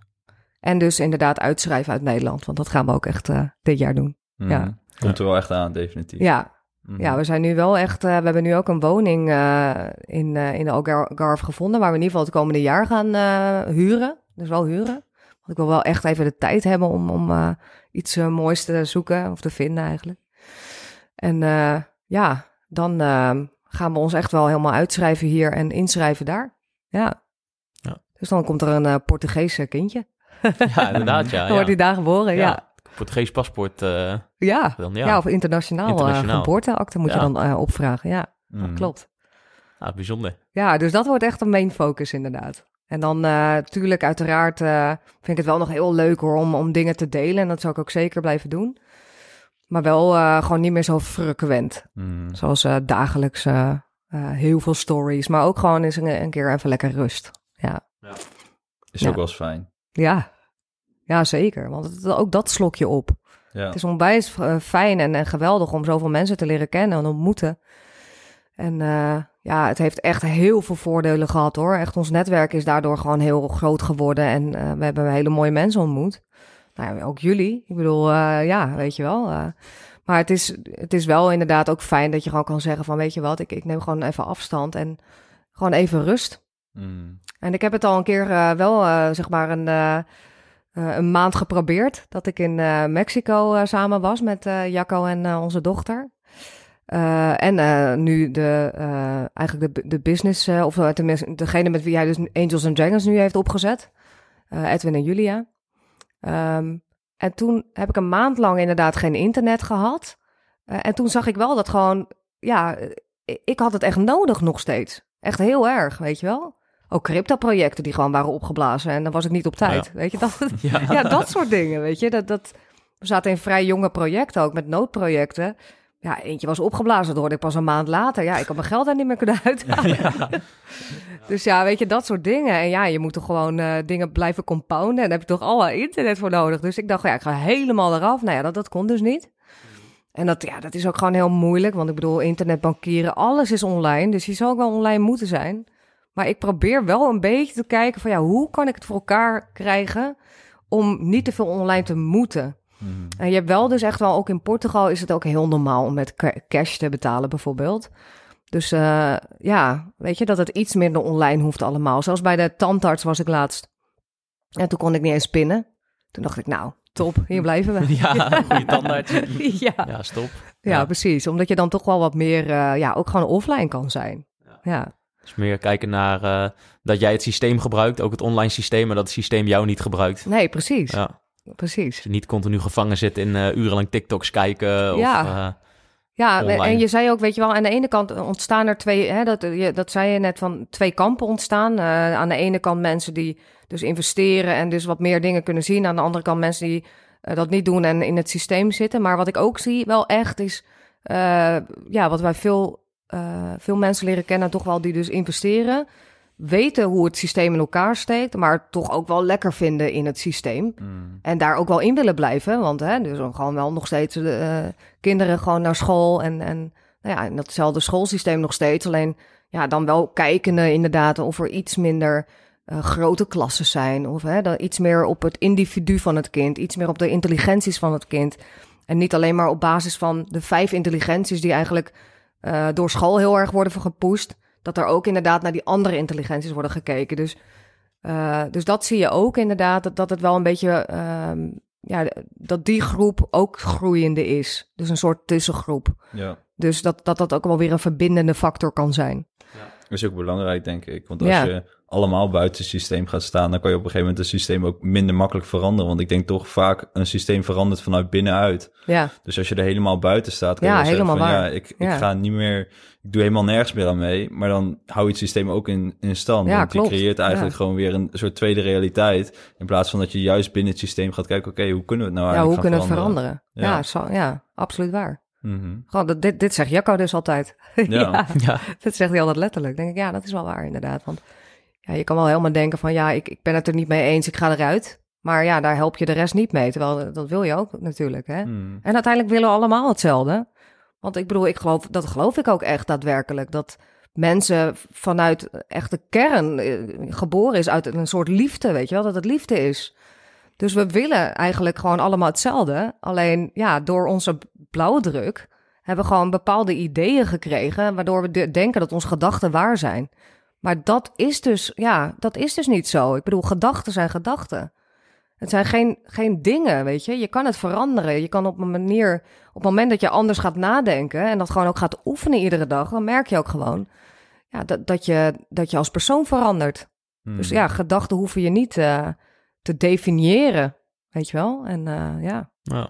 Als je er bewust van wordt, niet. Ik denk Nee. dat heel veel mensen dus in een patroon zitten of een conditionering hebben en zich niet bewust zijn van dat dat zo is. klopt. En dan kijk je gewoon door jouw bril naar de wereld en dat is de waarheid en Ja. that's it. En daar houdt het op. Maar ja, je moet er dus wel op een gegeven moment bewust van worden van... Ja. oké, er zijn dingen gebeurd, misschien in mijn jeugd... of mijn ouders hebben mij dingen verteld... en zo kijk ik dus nu naar de wereld, want Ja. dat is mijn waarheid. Alleen, het is niet per se de waarheid. Nee, dat klopt. Maar ik heb ook wel een beetje het idee dat er een shift gaande is, maar ik weet dat nooit zeker. Ik weet niet hoe het met jullie is. Ja, Wij, wij zitten ook wel in een bubbel natuurlijk. ja hè? dat is gevaarlijk, want Kutzooi. Ja, Dat maar is- aan de andere kant worden we wel steeds jonger, zeg maar. Ja, Het is Ja. wel... En ook door dit soort vormen van ja, media creëer je natuurlijk wel steeds meer bewustwording. Ja, dat is waar. En het wordt steeds Ja. makkelijker. Ik denk wel op een gegeven moment, het is gewoon een rimpel en die verspreidt zich gewoon. Ik denk wel dat uiteindelijk ja. ja, zullen mensen eerder met dit soort dingen in contact komen. Ouders zullen dit al weten. Dus uiteindelijk is het gewoon een kwestie van ja. Je, je eigen waarheid durven zeggen. En het ook ja, naar heel veel, ja, ook in de media durven uitbrengen. Want dat is ook vaak een ding. ja. Ik bedoel, gewoon zeggen tegen, tegen je vrienden is, nog, is al wat. Maar ik bedoel, als je er echt een keer ja, voor een microfoon voor gaat zitten... dan ja, is het natuurlijk wel een veel grotere impact. ja. Dus ik denk dat Ja, je dat is uiteindelijk... eh, ik denk dat je wel een beweging in gang zet. Maar alles heeft plus en min, hè? Ik Ja, ook weer zeker. dat internet. Ja. aan de ene kant wil je ervan wegrennen. Hmm. Maar aan de andere kant is het nou juist een middel om mensen hun ogen te openen. Ja. Dus het is ook wel weer echt nodig. Hmm. Het Alleen gewoon het is een balans, gebruikt. weet je? Ja. Je moet overal een balans in vinden uiteindelijk. Ja. Ja. zeker. Maar ik denk dat het, ja, uiteindelijk is het allemaal een middel. Net zoals geld. Je kan, heel vaak ke- kijken mensen echt heel naar geld alsof het echt iets absoluut is. Maar het is gewoon een middel. Ja. Gewoon eigenlijk het delen van waarde. En dat is eigenlijk hetzelfde met internet of iets. Het is maar net hoe je het gebruikt en hoe je er ja, iets in gang mee gaat zetten. ja. En als je het op een goede manier gebruikt, dan is het heel krachtig. En als je het op een slechte manier gebruikt, dan kan het ook heel krachtig zijn, maar dan in een negatieve zin. Dus Ja. het is maar net wat je er zelf mee doet. Het heeft, ja, alles heeft gewoon twee kanten. Mm. Inderdaad, ja. Nee, klopt. Eh, En eh, uiteindelijk, eh, het, tuurlijk, het gaat altijd om balans. En het punt is inderdaad dat we gewoon met z'n allen gewoon flink uit balans zijn geraakt. Mm. Omdat ook het abnormale heel erg wordt nu naar voren wordt geduwd als normaal. En het normale naar de achtergrond wordt geduwd. Om het helemaal in disbalans te brengen. Dus ja, af en toe denk ik ook inderdaad, in die zin is natuurlijk gewoon de media daar heel krachtig in. En gelukkig kunnen we inderdaad aan de andere kant weer onze eigen media maken. Dus ja, Zeker. nee, inderdaad. Mm. Mooie, mooie conclusie zo, ja. ja, Echt wel. ja. Ja. Heb je nog dingen, Janneke, die je graag kwijt wil... of eh, waar je de laatste tijd veel mee bezig bent... wat je belangrijk vindt momenteel? Ja. Nou ja, eigenlijk eh, heb ik dat al wel gezegd inderdaad. Dat je heel erg moet oppassen voor de woorden die je gebruikt. Weet je wel? En eh, ik, ja, ook, dat zal ook wel weer iets zijn wat een heleboel mensen zeggen hoor. Want ik, nu ben ik heel alert op. Dan denk ik, oh, zeg ik niet iets wat heel veel andere mensen ook zeggen? Ja? Oké, dan ga ik toch weer even herzien. Maar eh, nee, met woorden is het echt zo. Woorden zijn creatie. Dus op het moment dat jij inderdaad op een bepaalde manier... Ik zeg het ook bijvoorbeeld nog steeds als ik zo'n podium opga... Dan zeg ik van, eh, ja, ik vind het wel spannend. Of, oh ja, ja ik, nee, het is niet mijn ding, spreken. Terwijl eigenlijk diep in mijn hart is dat nou juist wat ik wil. Ik wil juist mee spreken. Ik wil juist mensen hè, eh, warm maken en, en laten zien eh, dat eh, financiële vrijheid dus eigenlijk gewoon gaat om materiaal loslaten. En dus niet dat het om materiaal gaat, weet je wel. En, ehm, dus inderdaad, woorden creëren gewoon je leven. En op het moment dat je daar heel goed op gaat letten... en dat je niet te veel gaat klagen ook over de dingen die niet goed zijn in je leven. Omdat je, ja, je, je moet eigenlijk gewoon weten dat op het moment dat je je gaat focussen op de dingen die niet goed gaat, eh, gaan zijn, dat het hetzelfde is als een slipcursus. Eh, op het moment dat jij naar de muur gaat kijken waar je bang voor bent om tegenaan te botsen, dan ga je botsen naar- tegen die muur. Mm. Terwijl je wil echt kijken naar de plek waar je heen wil. En ja, dat, dat is en blijft. Dus uiteindelijk let gewoon op je woorden. Denk gewoon altijd goed na over of je niet inderdaad de creatie van iemand anders eh, per ongeluk hebt gekopieerd. Dat je wel gewoon blijft eh, geloven op je eigen, ehm, ja, op je eigen kracht, je eigen creatiekracht. Omdat we allemaal uniek zijn. En we hier echt allemaal zijn met een reden. Dat, dat geloof ik echt, daar ben ik echt heilig van overtuigd. Mm. Dus ehm, ja, ik denk dat dat vooral eh, een heel belangrijk ding is. Ehm, ja, om mee te geven aan mensen, ja. Ja. Woorden. Prachtig. Ja. Ja, ook, ik vind het nog steeds ook heel mooi dat je het aanhaalt. Inderdaad, die self-talk die jij dan zelfs nog hebt als je dan gaat spreken. Dat je inderdaad Ja. ook moet opletten wat je eigenlijk tegen jezelf allemaal zegt. Want Klopt. eigenlijk zit je jezelf toch een bepaalde angst zit je te bevestigen van... oh ja, ik ben er eigenlijk niet goed in. Of, of Ja. oh, ik vind het eigenlijk wel heel spannend. Terwijl als je, als je er eigenlijk over gaat nadenken... dat wat de kracht van woorden... eigenlijk zit je dan ook weer jezelf kleiner te maken... dan je eigenlijk misschien daadwerkelijk bent. Ook al weet je van, van jezelf wel dat het erin zit Ja, zit je toch tegen jezelf nog dat soort dingen te zeggen. Het is wel heel knap als je op een gegeven moment inderdaad daar bewust van kan worden. En dan kan je ook die switch maken van Ja. oké, ik, ik zeg de volgende keer zeg ik, ik word bijvoorbeeld, ik word elke keer een beetje beker, beter als ik aan het spreken ben. Ja. En dan zul je ook zien dat je elke keer een beetje beter wordt. En Ja, dan, maar dat klopt. Want Ja. ook, weet je, ik, ik vond het altijd belachelijk, die emo-ratelband met zijn tjaka. Belachelijk, weet je wel. En nu denk ik, ja, die gozer had wel gewoon gelijk. Mm, Want je moet er ook gaan staan. Je moet zeggen, pam, tjaka. Ik ga ervoor, want dat is ook de enige manier, zeg maar, waarop je een podium betreedt. En ik, weet je wel, ook nu weer met mijn boeklancering, het gaat dan wel beter. Alleen, het moet altijd een beetje inkomen. Maar dat Mm. komt omdat ik dan tegen mezelf alweer zeg, ja, ik eh, vind het toch een beetje spannend. Nee, hou gewoon je mond. Ga er gewoon staan. Zeg wat je te zeggen hebt. Je hebt wat te zeggen. Het is ook helemaal niet moeilijk om over na te denken van wat je te zeggen hebt. Want het is gewoon iets wat je heel erg voelt. Dus het zou heel makkelijk moeten zijn. En dat was het dus uiteindelijk ook. En dat was ook bijvoorbeeld met Engels spreken. Hè, ik bedoel, ik heb nu voor de eerste keer een internationaal event gedaan. En in het begin dacht ik echt van, eh, oeh, in het Engels. Ja, dan kan ik toch helemaal niet met me, goed mijn woorden hè, dat ik, uiten en, en grapjes maken. Dat is moeilijk.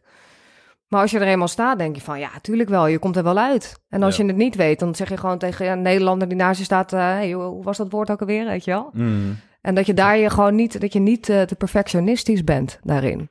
Ja, het is wel heel herkenbaar hoor. Ik moet je eerlijk zeggen, ik heb nog steeds voor elke podcast dat ik altijd eerst even... Nou, verschilt een beetje. Soms ben ik al heel relaxed, maar ik heb altijd inderdaad wel... Als je inderdaad zegt van ja, ja, vind ik het wel chill en dan moet ik heel lang... Ik ga nu een heel lang gesprek in, maar juist omdat je daarover na gaat denken... Ja. Dan ga je het jezelf heel moeilijk maken. En dan zie je eigenlijk, als je er dan gewoon ingaat, op een gegeven moment dan, dan denk je Ja, er niet meer over na. nee. Dan komt het gewoon allemaal vanzelf. En dan denk je van, ja, waar ben ik eigenlijk de hele tijd mee bezig geweest? En dat zijn dan toch bepaalde angsten die zich uiten. Ja, En dan net voor zo'n podcast of net voor een sprekersevent of, of wat dan ook, ja. komen die in één keer allemaal naar boven borrelen. Terwijl eigenlijk vaak weet je al diep van binnen al, ja, ik kan dit gewoon makkelijk, want ik heb het al misschien wel honderd keer gedaan. Dus dan is het toch wel heel grappig om te zien dat toch die angsten dan zo diep liggen. En dan ja, en nog ook elke bij de keer- mensen die, waarvan je het niet Ja. zou denken, zoals bij, bij jullie natuurlijk ook niet. Ja, ik bedoel, precies. jullie doen het wel. Ja. En toch blijven jullie het eh, spannend vinden ook, bijvoorbeeld. Hè? Of Mhm. ja, ik weet niet of jij dat ook hebt, maar Minder nu. Minder, ja. ja. maar dat is met alles wat je, wat je gewoon begint te doen. Dus als ook, ja, Ja. nu zijn we veel meer bezig ook voor camera presenteren. Gewoon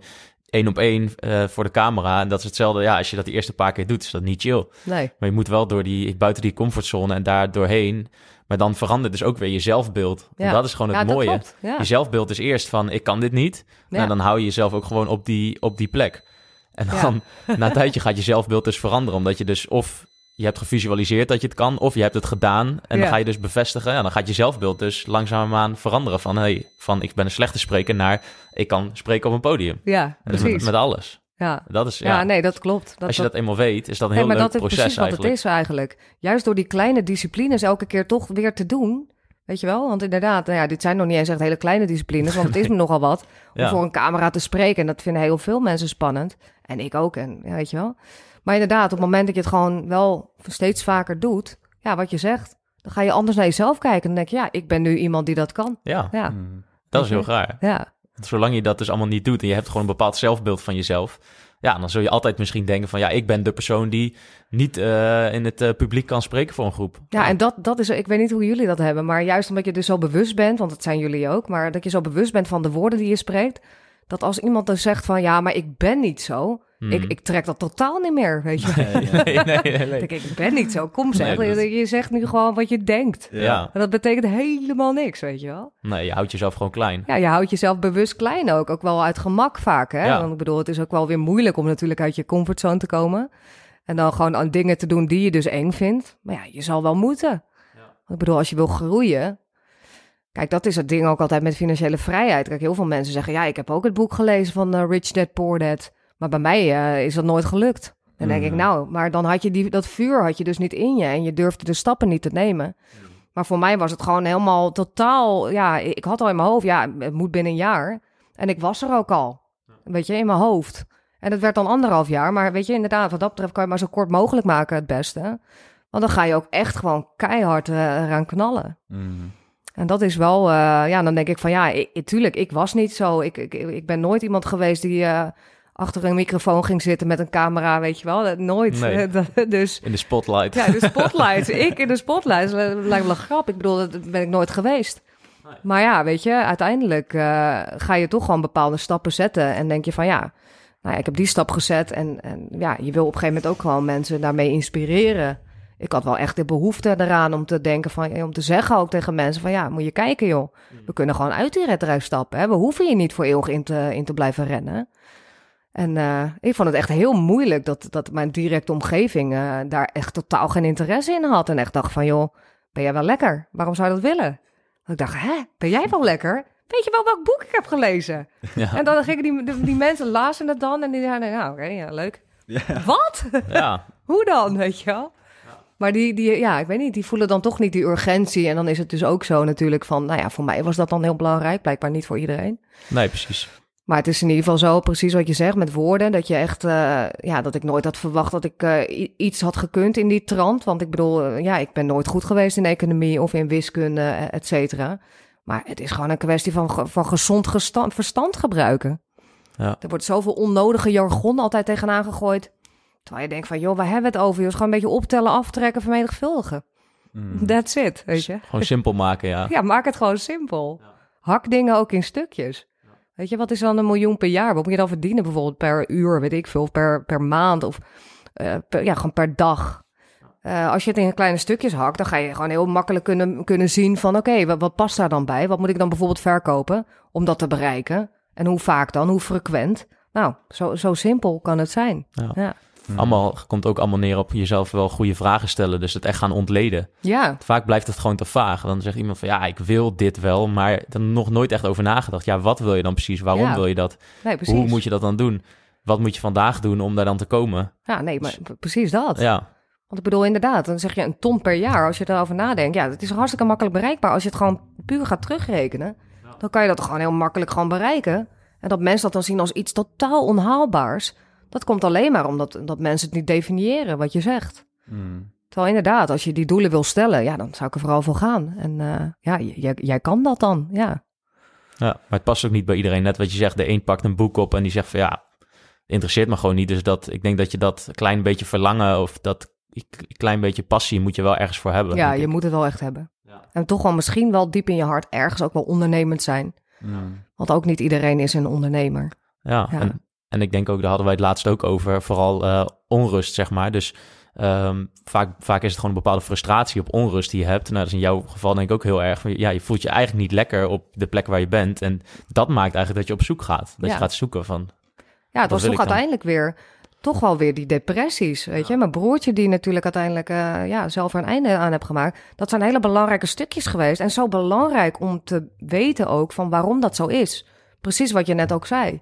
Weet je, dat je eigenlijk je hart niet samenwerkt met je buik en je hoofd. Mm, Weet je, als dat niet samenwerkt, dan is er constant een interne error.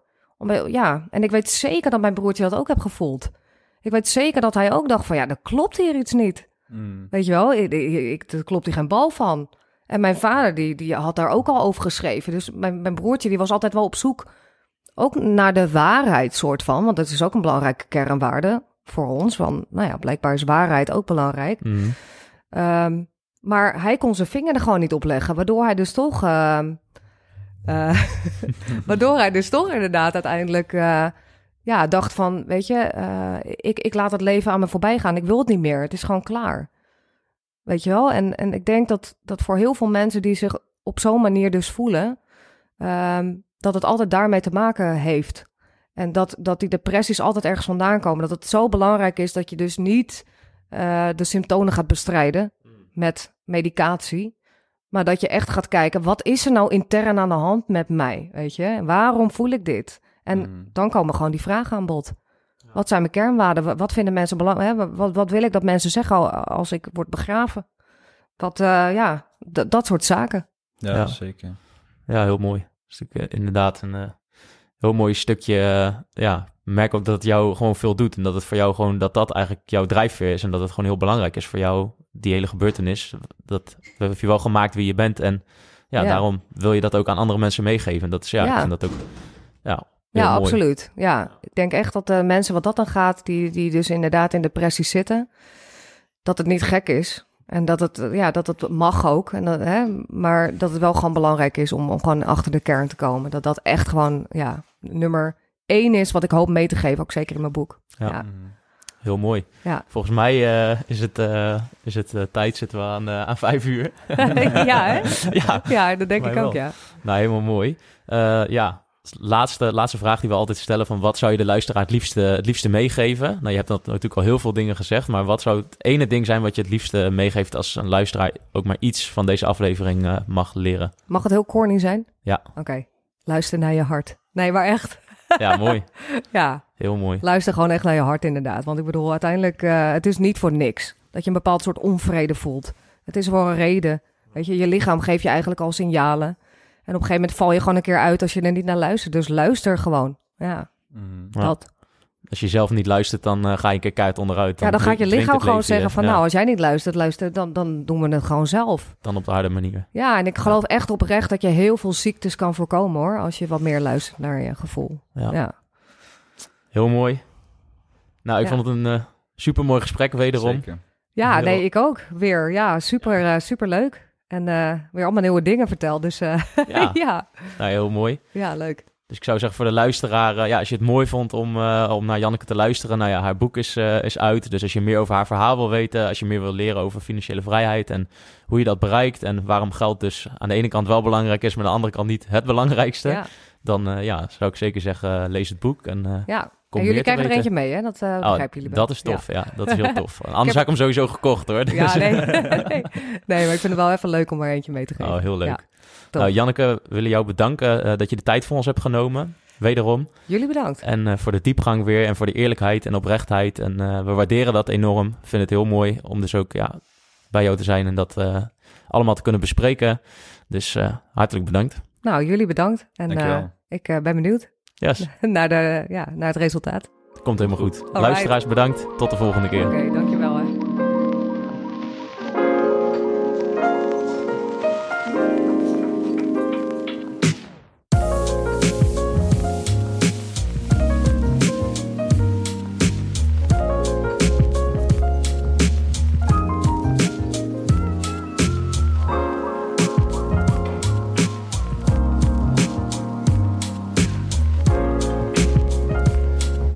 Welkom bij Ondernemend, het nummer 1 platform voor ondernemers. Bij Ondernemend vind je alles om jezelf naar het volgende niveau te brengen en jouw bedrijf te starten of op te schalen. Bij Ondernemend bieden we een netwerk met de beste ondernemers van Nederland. Gecombineerd met kennis en een hechte community. Met de kennis van ons platform krijg jij als ondernemer meer structuur, rust, cashflow en vervulling. Ondernemend is jouw sleutel tot een nog succesvollere ondernemersreis. Dus wil jij samen met ons jouw maximale potentieel benutten? Join dan onze community.